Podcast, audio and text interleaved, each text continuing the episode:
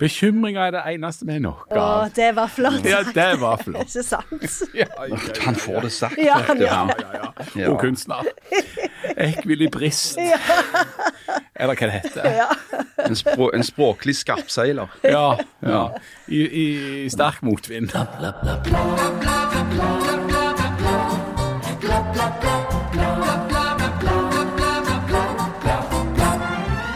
Hvordan i all verden snakker vi om masseskyting i Oslo når ingen vet sikkert hvorfor det skjedde? Og hvordan snakker vi om abort etter at USA har avskaffet den føderale retten til selvbestemt abort? Og er egentlig frokosten dagens viktigste måltid, eller bør du heller ete deg gjennom gladmaten?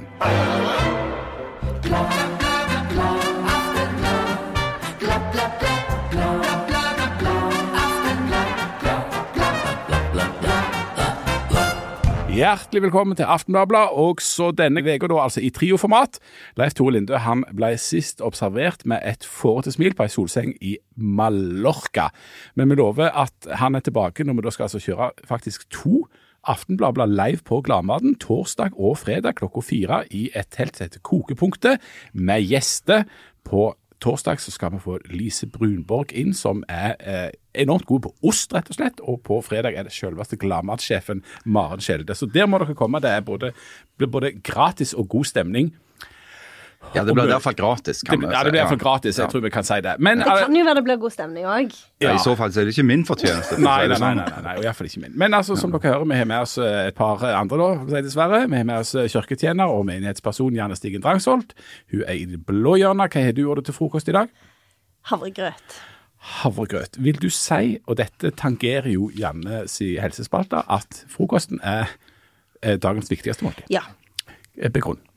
Fordi at da begynner du med eh, Får masse energi eh, og eh, er mett. Og eh, kan sette i gang og så bryte ned dette her lageret Ja. som du har satt i gang med. Istedenfor å bare begynne. Det er jo som å hoppe ut av, et, av en skrente. Ja. Det er veldig, det, det, jeg vil rose deg for et veldig godt svar. Takk. Fordi det er sånn at i det røde hjørnet, der har vi altså mat- og helsevrak Harald Birkevold. Hallo, hallo. Har du spist frokost i dag? Jeg har det. Jeg Har du spist frokost i dag? Tre kopper kruttsterke kaffe og to snus. Hva vil du si om det lageret han har opparbeidet seg? Um, eh, Helseekspert Janne. Når er det du pleier å spise frokost? Eller hopper du bare over? Eller er det frokosten? Det, det er jo frokosten. Før, før så hadde jeg jo det, det som de kalte på The Breakfast of Champions, som var eh, sterke kaffe og sigaretter. Eh, men i og med at jeg har av ulike grunner vært nødt til å slutte å røyke, eh, så er det nå kaffe og snus. Om dette, Janne, du som driver egen helsespalte, kan være grunnen til at Harald Birkvold er såpass dårlig fungerende i store deler av dagen, spesielt tidlig på dagen. Ja, for at du kommer jo helt skjevt ut da, Harald. over hoppkanten. Ja, du gjør det. Så, så du, du, du står liksom på én ski. Eh, så, så, så jeg er veldig skeptisk til, til dette. Mm, Men hvis du hadde hatt litt mer innsikt i hva jeg skal gjøre resten av dagen, Og det er så hadde du kanskje forstått hvorfor jeg ikke har lagt i meg liksom speilegg og stekte kumler og, og sjokoladecroissanter Ja, sånn umiddelbart etter at jeg sto opp. Ja, for du pleier å spise noe. Eh, nei, ja Nei. Altså, jeg pleier å spise frokost hvis jeg har tid til det. Men jeg er ikke akkurat så utprega av mennesket. Sånn at eh, frokost er jo ofte et måltid som blir tatt inn på en tid på døgnet hvor jeg fungerer omtrent på samme nivå som en basill eller en glassmanet. Liksom. Så det, det er liksom nokså begrensa. Så jeg, jeg prøver, prøver å få på meg klær. Eh, Prøve. Så noenlunde, og så greie håret, og så få tak i kaffe. Hvis jeg klarer det, så, så tenker jeg OK, nå er jeg i gang. Men jeg setter ikke noe spesielt høye mål for meg sjøl før klokka si ti om formiddagen. Men for det er jo sånn at i dag nå sitter vi her, og det føles enormt grytidlig. Ja. Eh, for det er sånn i nitida på morgenen. på Nei, ni-drag, som de sier der borte. nidraget, På ja. Østlandet. Ja. Så, så er det jo sånn at i dag begynner Gladmaten eh, i Stavanger, som er en helt ekstremt svære matfest, rett og slett. Og grunnen til at jeg begynte med å snakke om dette med frokost, sånn, var fordi at jeg hadde en mistanke om at Harald Birkevold ikke hadde ådet så mye eh, så langt i dag. For hva skal du gjøre resten av dagen? Hvor mange retter skal du ete? Jeg er litt usikker. eh, Men det er jo Kine Hult eh, og meg. altså Vi er jo, jobber jo begge som restaurantkritikere sånn på fritida. Betalt fritid, da. Ja, det er et definisjonsspørsmål. Men gratis uansett, mat for dere. uansett, som de sier, så skal vi spise eller prøveteste disse her smårettene. Fordi at en av jippoene, eller en av grunnpilarene i gladmaten hvert år, er jo at mange av utstillerne eh, har en såkalt gladmatrett, så de selger for ikke forferdelig mange penger. Sånn at folk skal kunne smake litt forskjellig. Eh, og vår jobb er jo å tilby eh, Aftenbladet sine brukere en guide til hva som er bra og hva som er mindre bra på årets gladmat. Sånn at det blir jo mye spising. Men jeg skal jo gjøre oppmerksom på at det er klart, vi sitter ikke og trør i, i trynet 50 retter hver. Her er det jo snakk om smaking. Uh, og med konstant dårlig samvittighet for mitt vedkommende, fordi jeg er oppdratt til at vi skal ikke hive mat. Men hvis jeg hadde spist alt som jeg skal teste, altså alt smitt og smule på hver eneste lille tallerken, så hadde jeg jo trengt opphold på en form for spa i månedsvis etterpå. Da har du hatt et voldsomt lager du skulle forbrenne. For, for Ja, Det hadde jeg ikke hatt plass til. Eh, men ja, men det er en krevende dag, det kan vi si. Ja. Eh, og folk som opplever Folk som lever f.eks. i Syria, skulle bare prøvd eh, hvor hardt det er. Men, eh, for, for, men, men det er sånn at det er helt kolossalt mange retter i år. Altså Det er 100 retter, og dere er to stykker som skal smake. Ja, det, er jo, altså det, det er jo litt sånn med, med gladmaten som med andre sånne festivaler og tilstelninger. Det de har jo tilsynelatende en logikk som, som tilsier at de, hver eneste gladmat skal jo være større enn noen gang. Det skal være flere eh, utstillere enn noen gang, og, og mer publikum enn noen gang. og Alt skal vokse, vet du. Det er en ting. Sånn at jeg, jeg har en mistanke om at det i alle fall er en del flere steder som tilbyr eh, gladmatrett i år enn det var sist gang det var gladmatrett, og det var jo i 2019. For det at 2020 og 2021 forsvant jo på en måte i en slags koronatilstand. Ja. Pluss at det regner hele tida. ja. Og nå er det sol, og det er Ja, det er jo kjempefint vær i dag. Så jeg gruer meg jo litt til at det blir grassat varmt i Vågen nå framover, men det blåser heldigvis litt. Ja. Og så er, det, så er det kanskje ikke en plass eh, å oppsøke for introverte folk som ikke liker så godt folk. Da eh, Forresten, du Harald. Hvorfor er jo- ser du på meg? Eh, nei, nei, det var bare helt tilfeldig. Det bare skjegler litt. Ja. Ja. okay. Det, det er jo, dette er jo en av de mest stressdagene i året for meg. Det er liksom det, og så hvis det er valg, hvis det er valgnatta, liksom, da er det òg ganske kjør. Ja, men Men, da- eh, ja, ja. men men det er ikke deg. synd på meg. Det har jeg lyst til å understreke. Men jeg vil rose deg for yrkesvalget. da, at Hvis du eksempel, eh, hvis du for er litt sånn introvert og ikke trives med så mye folk, og, og mistrives kolossalt f.eks. på matfestival og i forbindelse med valg, så er det veldig lurt å bli politisk kommentator og eh, matanmelder. Eh, der, jeg vet ikke hva, hva du jeg Nei, en form, det, er jo en form for, det er jo en form for sånn sjølplaging, da. Jeg ser jo det. Men OK. Men ta en for laget, vet Ja. du. Ta en for laget, ja. Du, Vi skal, vi skal snakke om, om litt forskjellig i denne eh, podden. eh, Og som vanlig så skal vi prøve å, å si, både holde på et visst humør, men også snakke om noen alvorlige ting. Eh, vi skal snakke om noen en ganske forferdelige ting som har skjedd den siste uka. Men Ja. der kommer òg eh, innspill til Jannes i helsespalte. Både eh, kritikk og, og spørsmål. Og der skal, ja, vi skal, vi skal prøve å Jeg håper ikke det er hard kritikk, for du vet Janne er ikke så veldig god så med, veldig det, med kritikk. Ja, ja. Nei, men eh, altså Vi får se hva det blir etter hvert. Altså. Det er bare å begynne å Nå grue seg. ser jeg at Janne blir veldig sliten. Ja, altså Hvis folk skal være så opptatt av å kritisere hele tida, så kan de bare la være. Ja, ja. da, ja, du kan ikke bare la være. Ja, okay. Ja, ja, nei, da blir det. Etter revolusjonen så har jeg et par forslag til hvordan vi skal håndtere sånne situasjoner. Ja. Mm. Det skal du- vi lage et uh, skriv om. Ja, et rundskriv. Ja. Helt. Du, vi må over, vi må over til det forferdelige. Alt kan ikke være kjekt. Ehm, men altså, det er jo sånn da, at nå til lørdag, som alle har fått med seg, så skjedde det noe helt forferdelig i Oslo. En mann begynte å skyte på folk midt i Oslo sentrum. Eh, han drepte to stamgjester på puben Per på hjørnet, og han skadde flere titalls andre, bl.a. på London pub. Det som er noe av problemet, og som har vært et problem helt siden lørdag, og fremdeles er et problem, det er at det er en voldsom diskusjon, og folk vil jo vite om dette og, og, og, og prøve å forstå det og sånt, men det er fremdeles veldig mye vi ikke vet. Harald Birkevold, hva er det vi vet, og hva er det vi fremdeles ikke vet om dette? Og hvor står vi på en måte nå?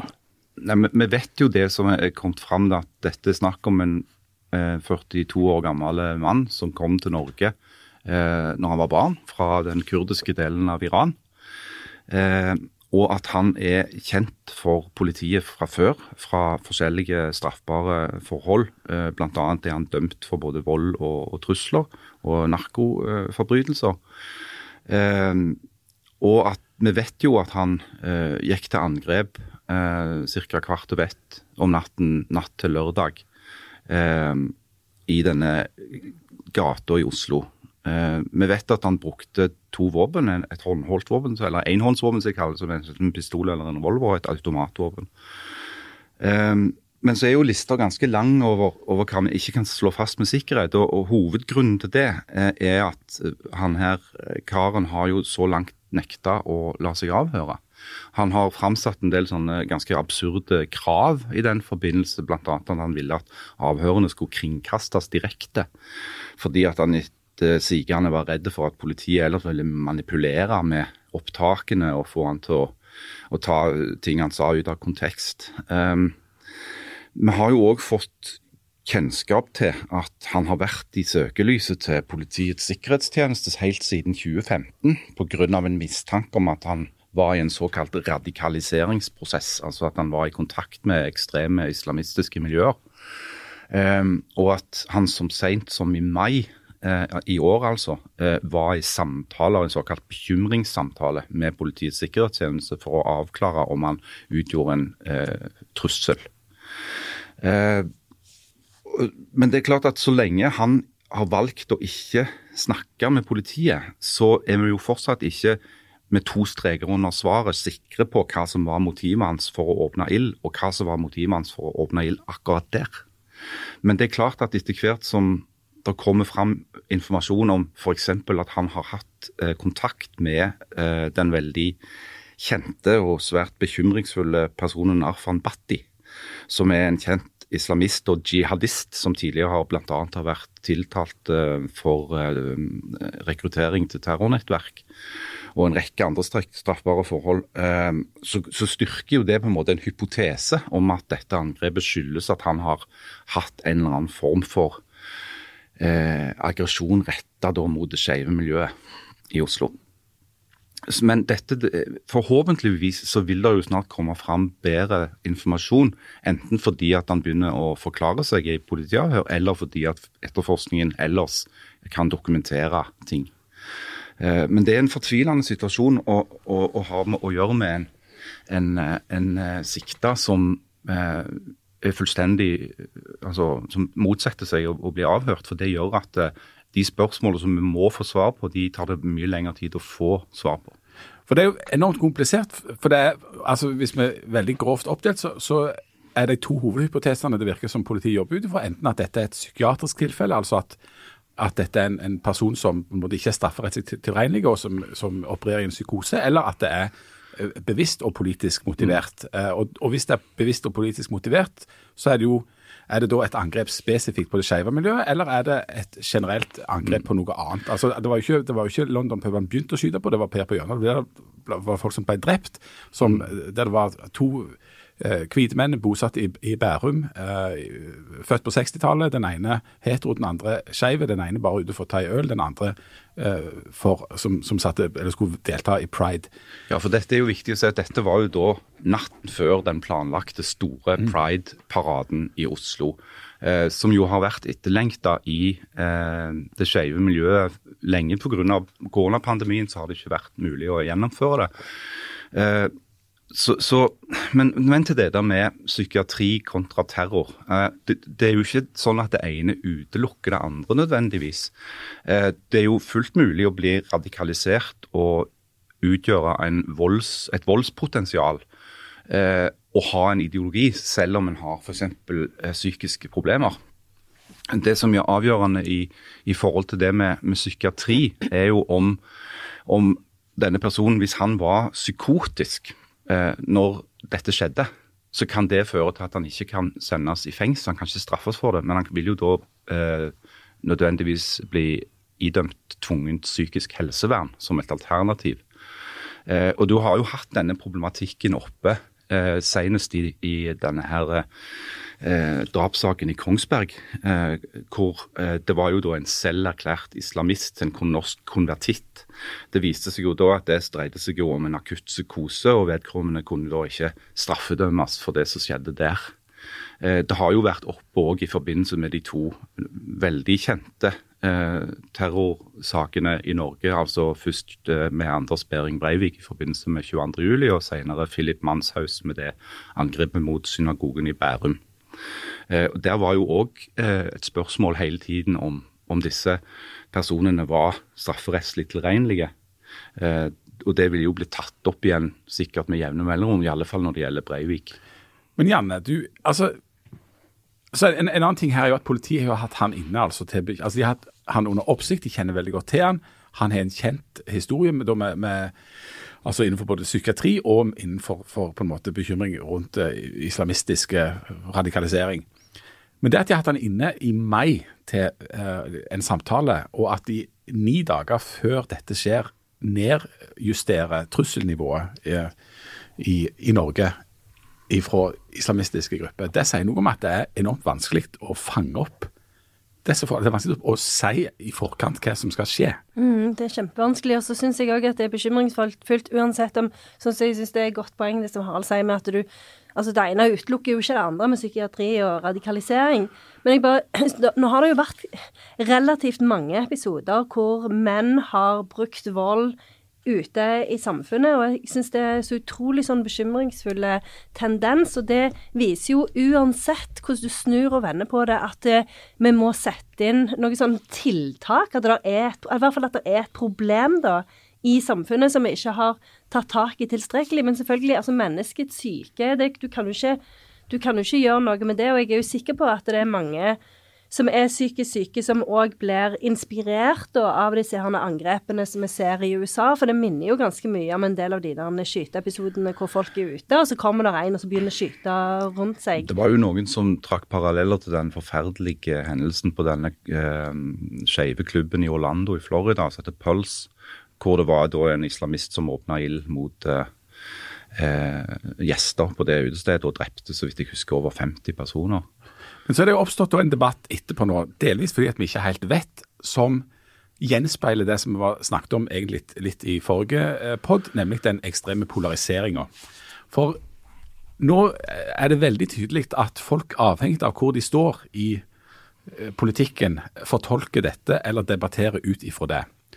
Uh, innvandringsfiendtlige eh, folk vil si dette altså der, der blir det på en måte, ja, Dette sier noe om på en måte mislykka innvandrings- og integreringspolitikk, og at det sier eh, ja, du trenger ikke ja, men, Hvis ikke han hadde blitt sluppet inn i Norge, så hadde ikke dette skjedd. Dette skjedd sant? Ja. Det er den ene sida. Um, mens på uh, den andre ekstremsida så, så, er det enkelte som har nærmest uh, pekt på uh, altså de, Folk som har, har villet diskutere pride, altså moderate eller liberale kommentatorer, og nærmest dem et slags medansvar for radikalisering av han. Mens, eh, som, som, jo jeg syns begge de to er ganske corny, og ganske langt ut på sida, egentlig. Men så er det jo, skal en diskutere religion, skal en diskutere islam og holdninger til homofili i islam. For islam har ikke gjennomgått den samme eh, moderniseringa eh, som f.eks. kristendommen har gjort. Eller, eller, altså, og Samtidig er det sånn at de aller aller fleste muslimer er jo ikke i nærheten av dette. her, Men samtidig så er det altså ti land i, i verden som har dødsstraff for homofili. Det er muslimske land, f.eks. Iran, som han her da kom ifra. Sånn at, ja... Mm. Det er, det er, et eh, minefelt, dette her, uh, Unge Birkevold. Ja, ja det, det, er et minefelt med et ekstremt tragisk bakteppe. Ja. Fordi at det, det, det, er det er fælt å tenke på eh, at altså mine venner som er ikke liksom heterofile uh, og sånn kjedelige, sånn som meg, at, at, det skal være en grunn til å være redde for at noen kommer til å skade deg, er jo helt forferdelig. Uh, og det er noe vi må ta på aller dypeste alvor. Men du, bare, bare, bare, bare men, altså, nå forutsetter du da at det var et angrep på pride. altså som ja, sagt, men, Per på sånn, hjørnet er ikke en, er ikke en, en, en nei, men, men, plass for skeive. Altså. Jeg, jeg, tror nok at akkurat nå så, så, vil jeg si at det er mer som indikerer at dette var et angrep på et Altså at Det var ikke tilfeldig at dette skjedde natten før Pride-paraden. Og at det var ikke tilfeldig at det skjedde akkurat i den gata. Men vi vet ikke. Men, Nei, sant. men uansett hva som kommer til å komme fram i denne konkrete saken, så er det et faktum at eh, det dessverre forekommer både hatytringer og hatkriminalitet retta mot annerledes folk. Eh, om det skyldes at de har en annen legning, eller at de har en, et annet utseende, eller at de tilhører et bestemt kjønn, så er det et faktum at det er en del aggresjon eh, som er utilatelige. At det er en del ytringer som går helt over alle støvleskafter når det gjelder folk som velger et annerledes liv. Og Sånn kan vi ikke ha det i et liberalt demokrati. Det må være lov å være seg sjøl. Du må lov å elske den du vil. Det skulle bare mangle. Ja, og sånn som i den uka, for vi snakket jo om pride eh, forrige uke på denne podkasten. Og etter at vi hadde gjort det, så gikk jeg rundt med en sånn glede. For jeg tenkte jeg er så takknemlig over at det har kommet såpass langt som det har kommet, og at pride er en eh, markering som gjennomsyrer samfunnet på så utrolig mange nivå, helt fra liksom barnehagealder og opp til Ja, gjennom hele samfunnet. Så, så det med at at dette skjedde, det var sånn et slag i ansiktet. Eh, og det var så det var, det var nesten som det føltes som Å ja, men, men, men, men er det sånn at en må fortsatt gå rundt og være redd når en er skeiv? Og svaret er jo selvfølgelig ja, for det, det er jo ikke Altså, det er jo mange fordommer eh, mot skeive ennå. Men, men det at det faktisk ble, ble brukt vold, og at de ble ramma eh, på samme måte som det norske samfunnet på, som helhet ble, ble ramma, det er helt utrolig vondt å tenke Men- Men, jeg, men jeg jeg- synes likevel altså, Ja, Jan, du Det- har det- et godt poeng, Jan. altså, altså, det altså Per på hjørnet her Ja, altså, jeg er helt enig, jeg er helt enig, men- Jeg føler at på en måte de to forsvinner Ja, ja, litt Ja, jeg er helt enig, men, men jeg, jeg, var, det ikke du, var det ikke du, Harald, som skrev det, eller var det noen andre? At det, uansett hvordan du snur og vender på det, så er det jo Altså, det er jo em, de skeive som ble som ble ramma, Så selv om det var en annen som ble drept òg. Så det De- var jo de- Det var, under det var paraplyen Jonas til Gahr Støre som sa Ja. nokså umiddelbart etter at dette skjedde, at, eh, og det syns jeg var veldig godt sagt, det var klokt sagt. det var at Uansett hva som viser seg å ha vært motivet, så kan det ikke være tvil om at det skeive miljøet er et offer. Fordi det skjedde når det skjedde, og der det skjedde. Eh, så, så jeg syns òg at Jan har et godt poeng når han sier at det, det som òg skjer når, når du får sånne hendelser, det er jo at den allerede ganske polariserte og oppheta debatten om eh, ikke nødvendigvis pride, men kanskje mer om bakteppet for pride. Altså hvor eh, f.eks. For Foreningen FRI eh, har en del Vi snakka om dette forrige uke. Har noen programpunkter som uansett hvordan du snur og vender på det, er politisk kontroversielle. Og det, det er jo forståelig på en måte at i, i av en sånn hendelse, da blir jo folk redde og sinte og lei seg. Og da kan de komme til å si ting som kanskje de ikke ville sagt i en annen situasjon. Men, men det, og det føles nesten banalt å måtte si det, i, men jeg tror det er viktig at uansett hva galne voldsmenn finner på å gjøre, så må òg vi som skal representere ytringsfrihet og demokrati og, og, og debattkultur, vi må òg insistere på at det for, selvfølgelig fortsatt må være lov å ha en politisk diskusjon om det som er politisk kontroversielt. Ja. Eh, uten at det skal bli tatt til inntekt for en eller annen form for ekstremisme. Eh, da kan jeg bare få gjenta ett poeng. da, at eh, Det er et par punkter i, i Foreningen FRI sitt program som handler om for eksempel å oppheve sexkjøpsloven eller å tillate eggdonasjon, som er politisk kontroversielt i Norge. Det må være lov å diskutere det uten at du skal bli beskyldt for å gå ærende til folk som hater og er villige til å utføre vold mot skeive miljøer. Men jeg, jeg, altså jeg er enig med deg, Janne, i at jeg også syns det er veldig flott at vi har kommet så langt som vi har tross alt på, når, når det gjelder dette med altså, homofili, og at folk skal få lov å være i lag med og bli glad i akkurat hvem de vil. Men det er fremdeles sånn at det finnes noen miljøer der det er en veldig stor intoleranse mot dette. Og hvis det er sånn at, altså, og, og, jeg, og det stemmer jo helt presist. Altså, de to som ble drept, var stamgjester på Per på hjørnet, som ikke er en skeiv plass. Men eh, det skeive miljøet ble òg et offer fordi at han gikk videre der og, og, og skjøt på, på folk på London pub, som er helt åpenbart en sånn plass. Men da er jo noe av diskusjonen da etterpå blitt eh, Og der flere har he, hevda, f.eks. lederne i, i Unge Høyre, har sagt at en må da begynne òg å En må kunne debutere Nei, nei debattere. En, en må kunne debattere, en må kunne, kunne diskutere da eh, holdningene i muslimske miljø til dette. Eh, Aftenposten skriver på lederplass at muslimske ledere har et ansvar for de holdningene de sprer. altså den eh, holdningen som, eh, som er der. Eh, men òg Akhtar Chaudhry fra SV, sånn at det er veldig brede eh, politiske vifter her, som sier at det er på høy tid at det inntas en bevisst holdning og et oppgjør med intoleransen i deler av de muslimske miljøene. Mm. Eh, altså Der intoleranse mot homofili og homo, homo, altså, homofile personer rett og slett eksisterer fremdeles. Er det et sånt dilemma å gå inn i den debatten eh, for f.eks. den politiske venstresida? Ja, det er klart at det er et dilemma. Eh, og det er òg alltid et Altså, disse tingene oppstår jo ofte rett i kjølvannet av at det har skjedd en opprørende hendelse. Og jeg forstår veldig godt eh, både helt vanlige muslimer, med, altså menige muslimer i Norge og muslimske ledere blir litt fortvilt av at de må gå ut og ta avstand fra, fra ting som de ikke har noe ansvar for eh, til stadighet. Men akkurat når det gjelder forholdet til skeive miljøer, så er jeg enig i at jeg savner en tydeligere eller en tydeliggjøring fra muslimske ledere i Norge om eh, disse forholdene. Eh, og fordi at det vil fungere som en form for som en form for olje, olje på bølgene i en sånn situasjon. Eh, men det er, ikke, det er, ikke, enkelt, det der. Men jeg, jeg, tror nok at For jeg har sett på en del av de kommentarene som kommer fra, eh, fra meningsdannere, samfunnsdebattanter som har en muslimsk bakgrunn. Og så kan jeg føle det, det skinner gjennom voldsomt, den der fortvilelsen som mange føler på eh, over at dette skjedde. Men jeg syns Haja Tajik, som jo selv kommer fra en muslimsk bakgrunn, sa noe veldig viktig når hun fortalte disse tre historiene. Om disse tre personene som kom til Norge fra Iran sånn omtrent samtidig. Han ene endte opp med å åpne ild natt til lørdag. En annen er i dag stortingspresident, og en tredje var dørvakt på London pub. Mm. Altså Det er òg en veldig veldig viktig ting å ha med seg. Ja. Janne, du som er både menighetsrådsmedlem og, og eh, kirketjener og alt i hop. Det er jo veldig tydelige beskjeder til konservative kristne miljø og det som blir oppfattet som forstokka ideer rundt homofili i Norge. Altså Der er en veldig tydelig i kritikken.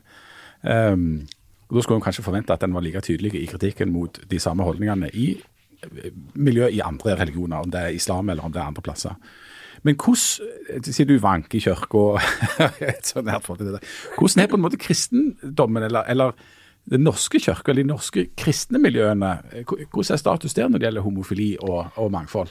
Nei, det er jo Jeg har forstått det sånn at den eh, liturgien, eh, når du skal vie noen som er fra 2017, den er vel mer sånn eh, nøytral, da, i benevnelsene. Så du bruker gjerne ikke sånn mann og kvinne og sånne kjønnsspesifikke ord, da.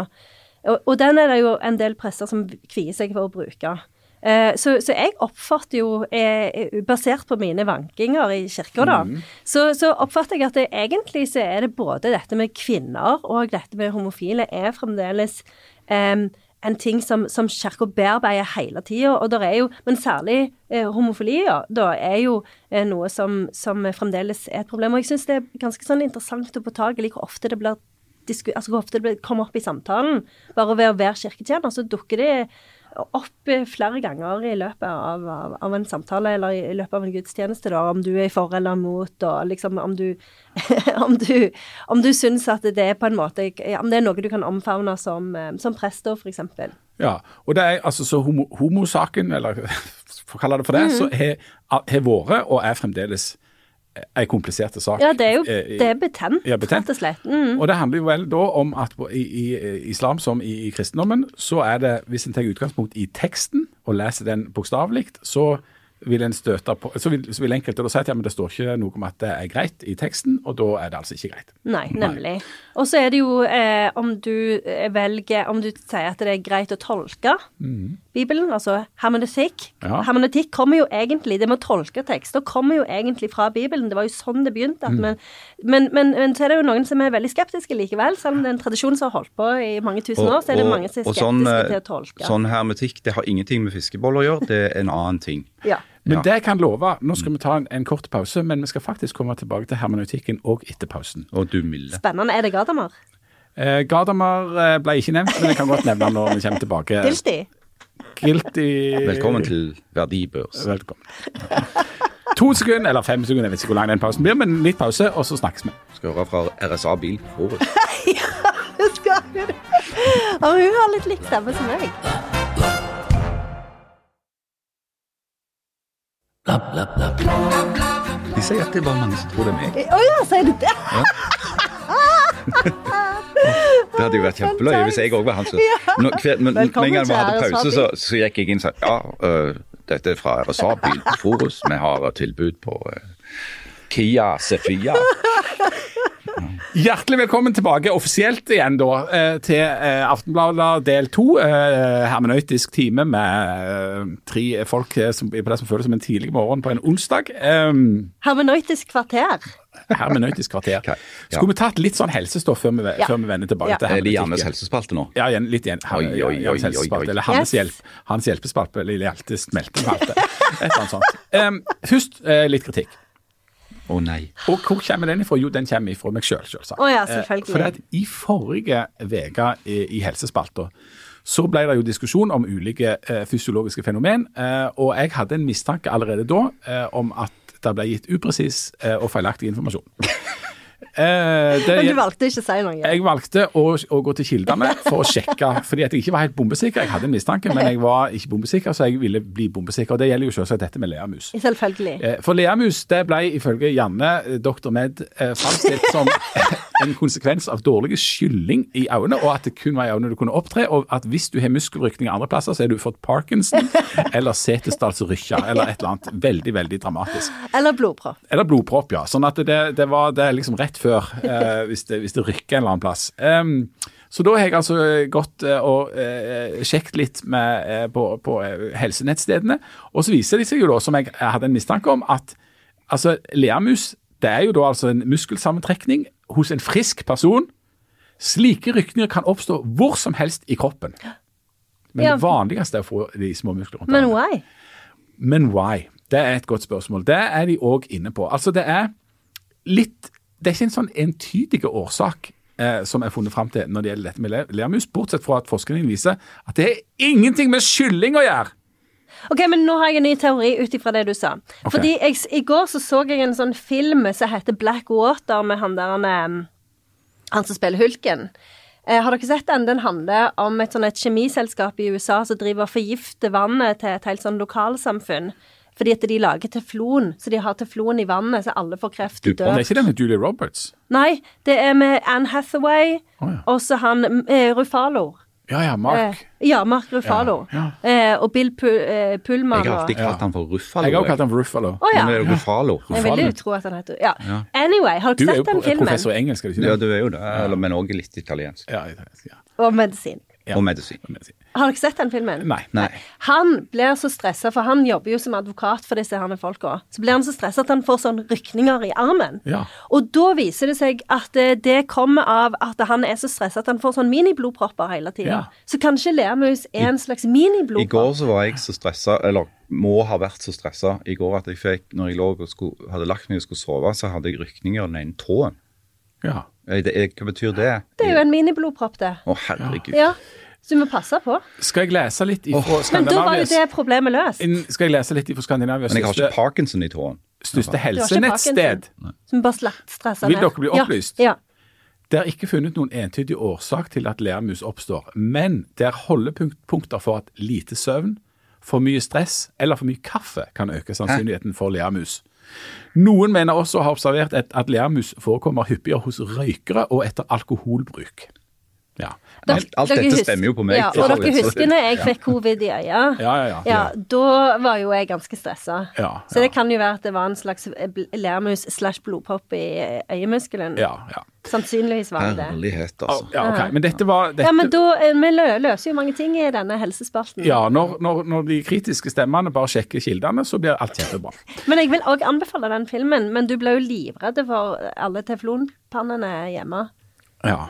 Ok, Så. ja. Ja, Men det er så mye å være livredde for Ja, for tida. det Jeg får ikke en Det er veldig diplompanne Nei, det er til å vippe meg av pinnen, Ja. egentlig. Så er det kommet inn et spørsmål til Jannes helse- og samlivsspalte. Det er innsendt av en som heter Jeg sa ikke at det var samlivsspalte. Det var ikke Den har nå blitt omdøpt til deg. forsvar. Samliv er jo en del av helsen. Det er en vektig del av helsen, Ja. og, og, og den spalta er blitt omdøpt i kraft av dette spørsmålet. Det, vi har fått et spørsmål innsendt fra en som heter eh, Leif Tore. Hei, Leif Tore. Eh, hei, Leif Tore. Um, han skriver Jeg har lenge mistenkt at min kones eneste grunn til stadig å forlenge ekteskapet med ett og ett år, er at hun ikke ser syn på å blåse opp luftmadrasser selv. Helt ærlig kan jeg ikke se at jeg er brukende til så mye mer enn etter at hun sendte meg til Colosseumklinikken for noen år siden for å ydmykes på det eh, grøvste. Men altså, så. Janne, er det vanlig at kvinner holder seg med en mannsperson utelukkende fordi de ikke gidder å blåse opp luftmadrassene sine sjøl i Syden? Svaret er ja. Fordi at det, det er veldig tungt arbeid å blåse opp de der luftmadrassene, og du blir veldig svimmel og, og sliten av det. Og særlig hvis en har kjøpt en sånn drage. Ja. Så, så ja. Eller en enhjørning. Helt riktig.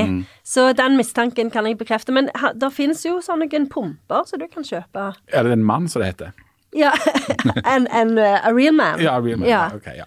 Nei, men greit, Da har vi fått håpe at eh, Leif Tore, hvor enn han måtte være i verden, eh, har fått svar på, på eh, litt av hvert. Vi skal til Amerika, og vi skal til hermenøytikken. Um, Var det de spørsmålene jeg hadde? Kritikk fra deg og spørsmål fra Leif Tore? Ja. Jeg føler ikke denne helsespalten slår sånn veldig an. Nei, så hvis vi har noen, fortsatt har noen lyttere til denne podkasten, så hvis dere brenner inne med et helserelatert eller samlivsrelatert eh, eh, problem, send oss gjerne en e-post på bladblad.aftenbladet.no, eventuelt andre innspill. Eh, gjerne kritikk òg, men helst ikke så veldig mye kritikk av Janne, for hun blir så sliten. Ja. Jeg blir veldig sliten. Ikke forvent svar med det første. Nei. Vi skal være ærlige. Altså, Det er, jo som å, det er jo som å rope inn i et svart hull. ja, og, og det, det, hullet, det, det hullet er i år fylt av, av lys, altså sommersol. Så, for at I sommer så kommer vi til å ikke ha ordinære i, i en del uker framover eh, podder, men vi kommer til, det kommer til å komme en podd hver uke. Og de er veldig interessante og De lærerike. De kommer til å være interessante og lærerike, men de er spilt inn på forhånd, sånn at de blir ikke sånn aktuelle som får aktuelle spørsmål. Ja, de Men det jo kan jo, altså, folk kan jo sende inn spørsmål allerede nå, og så Ja. gå og glede seg til at høsten kommer, og at de da endelig får svar på det de brenner inne med. Ja. Helt riktig. Pluss at de eh, sommerpodkastene vil jo fange Sightgeisten. Akkurat. Det vil de. I, i en eller annen sight. Ja. Men eh, vi skal til Amerika og til hermeneutikken, og muligens innom Gadamer. Um, for Kanskje Dilti. Kanskje Dilti, han Ja. kjenner jeg ikke til, men ok. Eh, det er altså sånn at eh, borti Amerika, der går det jo, hvis vi skal være ærlige, ikke så veldig godt. Um, så der skal Nei. jeg Nei, eh, det går ikke meg godt. reise på søndag. Men eh, sist uke kom altså den dommen som vi allerede visste at ville komme etter en lekkasje, men det kommer likevel som et slags sjokk. Høyesterett opphevde Roe versus Wade, som altså var en dom fra 1973 som garanterte kvinner i Amerika rett til selvbestemt abort fram til fosteret er levedyktig. Og i, eh, når, den, når den ble vedtatt, så var det rundt uke 28. Nå er vi rundt uke 23-24. Altså at der damer kunne bestemme sjøl. Janne, hvor var du da du hørte om den dommen? Jeg så det på Instagram, eh, og jeg begynte å grine. Du begynte å grine, ja. Ehm, det er jo en helt Det virker nesten utrolig Ja. at altså For en ting er på en måte å kjempe for rettigheter og få rettigheter, men det som er veldig sjeldent i, i politikken, uh, er at du mister rettigheter. Ja. Det er helt utrolig. Og så er det så utrolig at dette skjer fordi noen som ikke engang er folkevalgte, har bestemt seg på et eller annet psyko-tolkning av kristendommen at dette skal eh, de forby. Og når vi er, da er vi inne på hermeneutikken, altså tolkning av tekst. For noe av det interessante er at både det vi snakket om før pausen og det vi snakker om nå, i stor grad handler om tekstfortolkning. Her er det tekstfortolkning både av Bibel, altså det er veldig sterkt religiøst motivert, altså kristen religiøst motivert, eh, at en vil ha vekk abort. Altså sterke, sterke krefter i USA har jobbet i mange tiår for at det skal skje, spesielt på den evangeliske eh, sida da. Og så handler det om tolkning av grunnlovstekst og et tillegg fra 1868, det 14. Vi sitter i en situasjon der det kan skje ting muligens i Oslo en kveld, og det kan skje ting i USA basert på hvordan folk leser flere hundre år gamle tekster som er skrevet i en helt annen tid. og så skal prøve å forholde seg til det i, i en moderne verden. Da kan dette skje. Hva, altså, det handler, det handler om tekstanalyse på et, et, eller annet slags vis. Ja, det gjør jo det. Eh, og det handler jo om tekstanalyse, og så handler det jo om folk Altså det er jo en blanding av eh, tekstanalyse og folk med en agenda, da. Mm. Eh, og, og det, er jo, det, er jo, veldig vanskelig å forstå, for det er jo òg en tolkning av når begynner liv. Altså, for det, det er jo mange som har skrevet på Twitter den siste uka sånn ja, Liv begynner jo kanskje egentlig ved ejakulering, sånn at mm. kanskje det egentlig bør kastrere en del menn heller. Eh, at det, for at det, og, og det å sette det litt på spissen, altså det er jo når Jeg tror det å sette det mer enn litt på spissen, akkurat det med eh, ja. men, men, men, det, er jo, det er jo et spørsmål om når begynner liv. Eh, og, og, og, hva er mest verdifullt? Altså er det, for dette her har de jo tatt et, et, et um, informert valg om å sette barnet sitt liv fremfor mor sitt liv, f.eks. Det er jo et av de valgene som, som, de har tatt. Fordi at de har sagt at det, eh, eh, hvis det er ei, ei unge mor som har blitt gravid, hvis det er ei mor med sykdom som har blitt gravid, uansett hva som er situasjonen, så vil barnets liv eh, bli satt, eller fosteret sitt liv, da, eh, satt eh, først. Ja. Så det er så utrolig mange problemer med dette. Ja. Og jeg blir helt galen av å tenke på det, faktisk. Fordi at det, jeg skjønner ikke, altså Det er jo sånn som folk sier, at det, det er jo ikke snakk om å gå 50 år tilbake en gang. Fordi at det, eh, det, med å, det som en ender opp med, er en situasjon som er mye, mye verre enn for 50 år siden. Ja. Så det er en sånn en regresjon helt uten sidestykke. Du, Harald, du skal, skal, Harald, si noe om det formelle. For det, det som er blitt gjort, det er jo ikke at Høyesterett har meint noe om at Det er ikke sånn at, at, at abort blir eh, forbudt. Høyesterett har sagt at dette er ikke noe som eh, Høyesterett skal mene noen ting om, eller så skal han holde til, for det er det ikke grunnlag for i teksten i Grunnloven. Grunnloven nevner ikke eh, abort i det hele tatt. Ikke så rart når det er liksom fra 1776 eh, omtrent. Og dette 14. grunnlovstillegget som handler om Eh, personlig frihet eller noe sånt. Det nevner heller ikke abort, men det er blitt fortolka i den retningen der. Og det er jo sånn at, eh, så Poenget til Høyesterett er at dette er noe statene selv må bestemme. Ja. Så det, det, går ifra å være noe som er garantert på føderalt nivå, altså sånn overstatlig nivå, eh, til å bli et ansvar for den enkelte stat. Og kan jeg bare si én ja. ting til. Og det som er, for En sier jo folk vil dø av denne loven. Og det er jo én ting, men det kommer jo til å gå ut over de fattige. De fattige kvinnene som For det er jo de statene som er i midten og i sør, som kommer til å eh, bestemme at abort skal bli forbudt. Og så må du reise gjerne helt til California. Og hvordan skal du ha råd til å reise til California og ta en abort på en klinikk der. Det er jo ingen som, som, av de som er utsatt, allerede er utsatt, som har råd eller anledning til det. Så det er, det, det er så katastrofalt, dette. Men Harald, da er det jo bare for eh, velgerne i de ulike statene til å velge politikere inn til sine eh, forsamlinger i disse statene, som eh, opererer med at det er en mulighet for å få abort. Mm.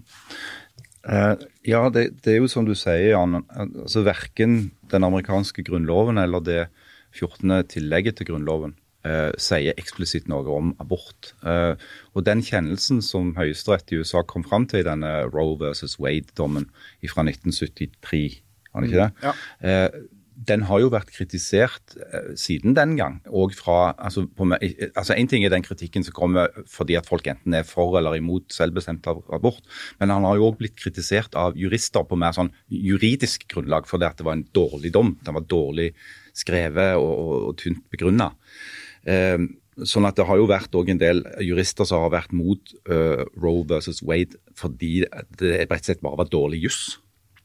Uh, men ja, det som skjer nå, det er at det blir opp til den enkelte delstaten og velgerne i den delstaten. Uh, vi må ikke glemme at abortspørsmålet, selv om et ganske betydelig flertall av den amerikanske befolkningen, sånn ca. 60% kanskje litt mer, er for selvbestemt abort. Eh, så er det amerikanske politiske systemet tar ikke så veldig mye hensyn til det. Fordi at du har en, si en folkerik stat som California, da. Eh, hvor et flertall av velgerne ønsker adgang til selvbestemt abort. Og så har du en veldig lite folkerik stat som sier Wyoming, med sine tror det er drøyt 300 000 innbyggere. De er veldig mot abort, velgerne i den. Altså, de er eh, konservative republikanere de to delstatene, California og Wyoming, har nøyaktig like mange senatorer i, i Kongressen. To hver. Eh, og Det betyr jo at eh, befolkningen i Wyoming, som er konservative, er ekstremt mye bedre representert i Washington enn befolkningen i California. Eh, og det var på en måte noe av hensikten når Amerika eh, sine forente stater ble oppretta, det var at de små og folkefattige delstatene skulle ha beskyttelse mot flertallets tyranni, som de kalte det. De skulle ha muligheten til å si nei til ting de ikke var enige i. Eh, og Derfor så er det jo eh, fortsatt sånn at delstaten i USA har veldig stor frihet til å bestemme veldig mye. Strafferettslig, utdanningsrettslig, skolerettslig, eh, samferdselsrettslig, våpenrettslig og nå altså òg abortrettslig. Eh, og Den siste oversikten jeg har sett, sier at ca. halvparten av delstatene i USA vil gå i en mer restriktiv retning. Eh, en av de vil gå i en mer liberal, for det at det Høyesterett har sagt, at de kan jo òg eh, eh, skyve abortgrensen enda lenger opp hvis de vil. Ja. Eh, og En ting som jeg synes er underkommunisert i den norske debatten om, om, abort i USA, det er at mange delstater i USA har hatt en ekstremt liberal abortlovgivning. Eh, fordi at de har satt levedyktighetsalder til ca. uke 24. Som i Norge jo vil jo være altså Her diskuterer vi jo fortsatt om vi skal gå lenger enn uke 12 som en normal. De har dobla det i mange amerikanske delstater. Så vi snakker jo om det som i Norge ville vært senaborter av levedyktige fostre. Eh, det er òg en del av problematikken her. Det er at det, det er så utrolig ulik praksis på hvor en setter de grensene. Og det er enormt interessant. Uh, og, det, og Norge er veldig interessant. Um, noe av for jeg, jeg, mener at abort, diskusjonen rundt abort ikke er enkel, rett og slett. Altså, du, kan ha, du kan ha to på en måte ekstreme synspunkt på når livet begynner. Det begynner definitivt ikke ved ejakulasjon. Uh, Nei, det kan du jo håpe at det ikke gjør. Det, ja, men ja, det, gjør det, det, gjør det, helt definitivt ikke. Uh, hvis denne ejakulasjonen skjer F.eks. i kontakt med ja, Vi skal ikke ta det med blomstene mine, sånn. men altså, diskusjonen er starter livet i det øyeblikket ei sædcelle og eh, ei eggcelle smelter sammen, og altså der de to møtes. Og noe vidunderlig som skjer. Er noe vidunderlig som skjer. Eh, eller starter livet når du har blitt født. Det er de to ekstreme. Da starter du enten på dag én, ja. eller du starter på en måte i uke altså Tidligere står sånn i uke ca. 24. Eh, den norske Og, og jeg, mener, jeg mener og ja, og så, og så sier jo Den norske eh, abortloven er jo et kompromiss da, mellom to forskjellige interesser. For Hvis du sier at, at livet, altså Mellom dag 1 og uke 26 så er det jo en utvikling. sant? At På et visst tidspunkt så begynner hjertet å slå i dette fosteret. På et visst tidspunkt så er dette fosteret sånn at det faktisk kan leve selv, og du kan begynne å snakke om at det er hvorvidt det er et menneske. Sånn at det er to liv vi snakker om her. Vi det handler jo om når du blir et liv med en autonomi, ja, med et rettsvern. Når ja, ja. er du et individ? Ja, sant. Sånn at, sånn at da er det spørsmålet liksom, altså, eh, Denne celleklumpen som blir til et foster, som blir til et barn sine rettigheter, målt opp mot eh, damer sine rettigheter, som bærer dette inni seg. Og Der er det norske eh, regelverket et enormt sånn fint kompromiss, da, egentlig. For at der er det sånn at fosteret sine rettigheter blir gradvis styrka jo nærmere du kommer at det kan bli levedyktig. og Derfor har han altså endt på tolv uker som helt selvbestemt, og etter det noen uker med altså, nemnd og det er en diskusjon rundt det, og så er det en diskusjon rundt hvor langt det skal være. Men jeg mener at det er for enkelt å bare sette det opp helt sånn svart-hvitt, at dette bare handler om, om damene, eller at det bare handler om fosteret. Og En av innskrenkningene jeg har hørt om nå, eh, er f.eks. i staten Virginia. Der har de hatt altså fri selvbestemt abort fram til uke 26. Mm. Der skal de nå skjære ned til uke 13, som altså betyr at de nærmer seg den norske eh, loven her. Mm det, det, er ikke, det, er ikke, bare enkelt, eh, Janne. Nei, det er jo ikke det. Men, eh, men, hvis du snakker med Altså, hvis du leser om Roe versus Wade, så er det jo, eh, i hvert fall blant folk som er for aborter, så er det jo en, en enighet om at den abortlovgivningen da tross alt har fungert bra, og at den har sikra at du har hatt tilgang til abort i eh, de forskjellige statene. Eh, mens, mens, og, og, dette, det er jo sånn som Harald sier, at selvfølgelig så vil det jo føre til ulike former for restriksjoner. Men over, sett under ett så vil det jo bli mye vanskeligere for kvinner å, å ta abort. Og jeg syns jo at den norske abortloven er jo veldig, veldig bra. Eh, og vi snakket jo om det i podkasten for en stund siden når det var en del debatt rundt dette med tvillingaborter og, og sånne ting. Og jeg syns jo personlig så syns jeg jo at det er viktig at den grensa eh, ikke er f.eks. ved uke 22 eller 24 når du har et levedyktig foster i, i, i magen. Men, men, hvis du ser på f.eks. de derne hvor enormt mange barn som f.eks. er i fosterhjem i USA, altså de har jo et kjempestort problem. Og det at du skal tvinge ressursfattige kvinner, gjerne unge kvinner, til å føde barn i veldig mange stater nå. Det er jo en kjempestor katastrofe. Det er kanskje noe av det mest opprørende med hele sulamitten, eh, er jo dette med den sosiale skjevheten, altså hvordan dette kommer til å slå ut. Og som, som en liksom ekstra provokasjon så ser en jo nå at etter at de konservative miljøene har innkassert denne seieren, så begynner de jo umiddelbart å snakke om hva er neste steg. Jo, kan det være f.eks. å forby prevensjon? Ja. Eh, og da nærmer de jo seg det, det kan du si, konservative katolske standpunktet at det verken er lov med abort eller prevensjon. Eh, og der en da En vet jo hva det vil føre til. Eh, en vet jo hva det vil føre til av uønska eh, svangerskap, uønska barn. Eh, og en vet at eh, hvis du har store mengder uønska barn i eh, fattige miljøer, så vil kriminaliteten øke. Og, og Alle det, disse tingene henger sammen. Det er vel dokumentert. ja, og det som òg er skummelt, er for sånn som f.eks. Clarence Thomas har jo uttalt at eh, OK, nå skal vi begynne å se eh, nærmere på same sex marriage. Vi skal begynne, altså Det er en del andre sånne rettigheter òg som, som plutselig eh, blir, det blir aktuelt å, å For det diskutere. at Du har jo fått det nå et solid konservativt flertall i Høyesterett. Eh, amerikanske høyesterettsdommere sitter på livstid. Eh, det vil ta, Uansett hva som skjer i det politiske landskapet i USA, eh, selv om du får en sånn liberal-demokratisk bølge, så må den pågå i flere tiår for at du skal kunne endre eh, vesentlig på maktbalansen i Høyesterett. Og bare for å ha sagt det, Clarence Thomas er altså den mest konservative av høyesterettsdommerne. Han har skrevet en egen eh, betenkning. Den er ikke signert av de andre. Noe av det som er òg dilemmaet der borte nå, det er at det, at polariseringa fortsetter. For det at noen peker da altså på den, på den liberale sida, på Clarence Thomas, og dette skremmebildet her da, av at en går løs på de andre rettighetene, mens på den eh, konservative sida så peker en jo på at en altså tar ut foster som er levende mennesker. Så igjen så er hver sin skyttergrav. Ja. Vi skal, vi skal nærme oss en, en avslutning. ehm, og vi har fått et innspill eh, her som jeg tenkte jeg skulle ta som en liksom kort uh, liten liste, egentlig. Ehm, det er, Vi har fått innspill fra en som heter Lindø.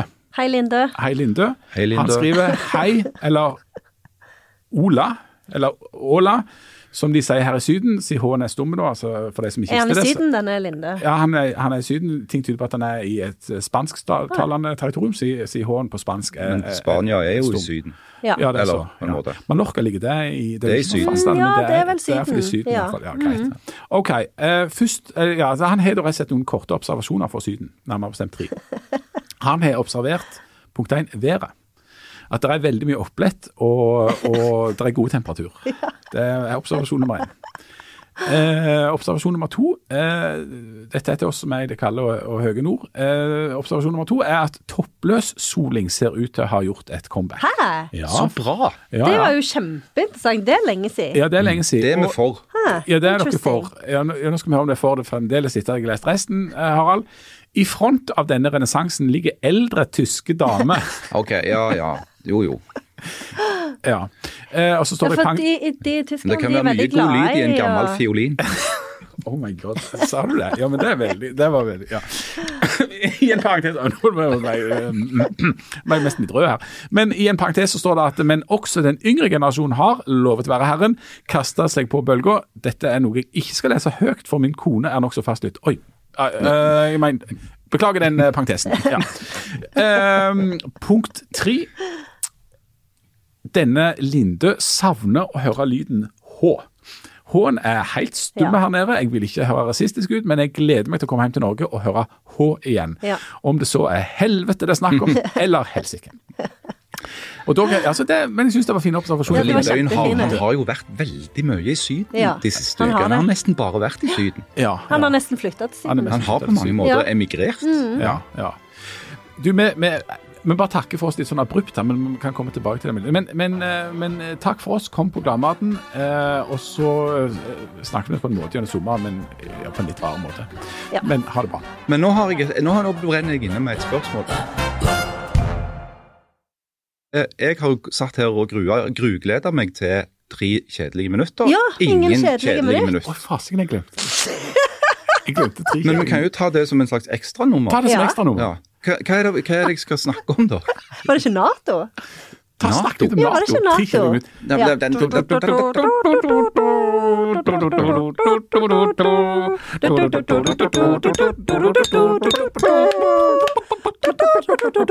Nato, denne forsvarsalliansen eh, som Norge er del av, eh, hadde i går eh, toppmøte i Madrid. Som òg er i Syden, for øvrig. Det er, så det, Stum H. Madrid er ikke noe H der. det er ikke noe H. Eh, eller du hører ikke H-en i Madrid. Nei. Eh, og der hadde de toppmøte. Der sto det tre uh, saker på agendaen uh, av, sånne, av de store hovedtemaene. Det ene var jo da Sverige og Finland sin søknad om å få bli medlemmer i alliansen. Uh, del to var en sånn ny Nato-strategi i en ny tid. Og del tre, hva i all verden skal vi gjøre med Kina? Det var de tre tingene de skulle snakke om. Eh, og eh, Sverige og Finland sine Nato-søknader, som jo kom eh, kort tid etter invasjonen til Russland i Ukraina, ble motarbeidet av Tyrkia helt eh, til den ja, siste øyeblikk. Eh, fordi at Tyrkias president eh, Erdogan han så en mulighet til å stille en del betingelser for å slippe eh, disse to landene inn. For det saken er at i Nato så må, ah, må det være enstemmig hvis de skal ta opp et nytt medlem. Som, så et hvilket som helst medlemsland kan blokkere for at nye land blir tatt opp. Eh, det Erdogan ville ha eh, ut av dette, var eh, garantier fra Sverige og Finland, særlig fra Sverige, om samarbeid når det gjelder ytterliggående eh, kurdiske grupperinger som har tilhold i Sverige. Han har tilsynelatende fått eh, noe der. Eh, men det gjenstår jo å se hvordan dette her vedtaket blir praktisert. Men det som nå kommer til å skje, det er at eh, Finland og Sverige sine søknader vil bli behandla. og de vil sannsynligvis bli tatt opp som medlemmer i løpet av ganske kort tid. Eh, Det andre interessante som skjedde, var denne her eh, strategien i forhold til Kina. fordi at Selv om det er veldig mye oppmerksomhet på Ukraina-konflikten akkurat nå, så er det langsiktige bekymring til særlig USA, som den mektigste staten i Nato-sammenheng, er hva en skal gjøre med Kina. Eh, Og Nå har Nato òg vedtatt å styrke sitt samarbeid med land som Japan, Sør-Korea, Australia og New Zealand, som alle omkranser det som Kina i dag har begynt å definere som sitt interesseområde i verden, som er altså sør, eh, eh, Sør-Kina-havet og områdene i Stillehavet. Eh, til slutt så, så går det vel òg an å si at det har kommet fram nå i morgentimene at Norge igjen sender nye forsyninger av våpen til Ukraina. Og det har vært en ganske sterk uttalelse fra Nato via da generalsekretær Jens Stoltenberg om at en vil eh, forsterke og, og utvide eh, våpenleveransene til Ukraina i lys av at det er nye russiske offensiver. Eh, og jeg tror at det er der saken står. Takk for meg.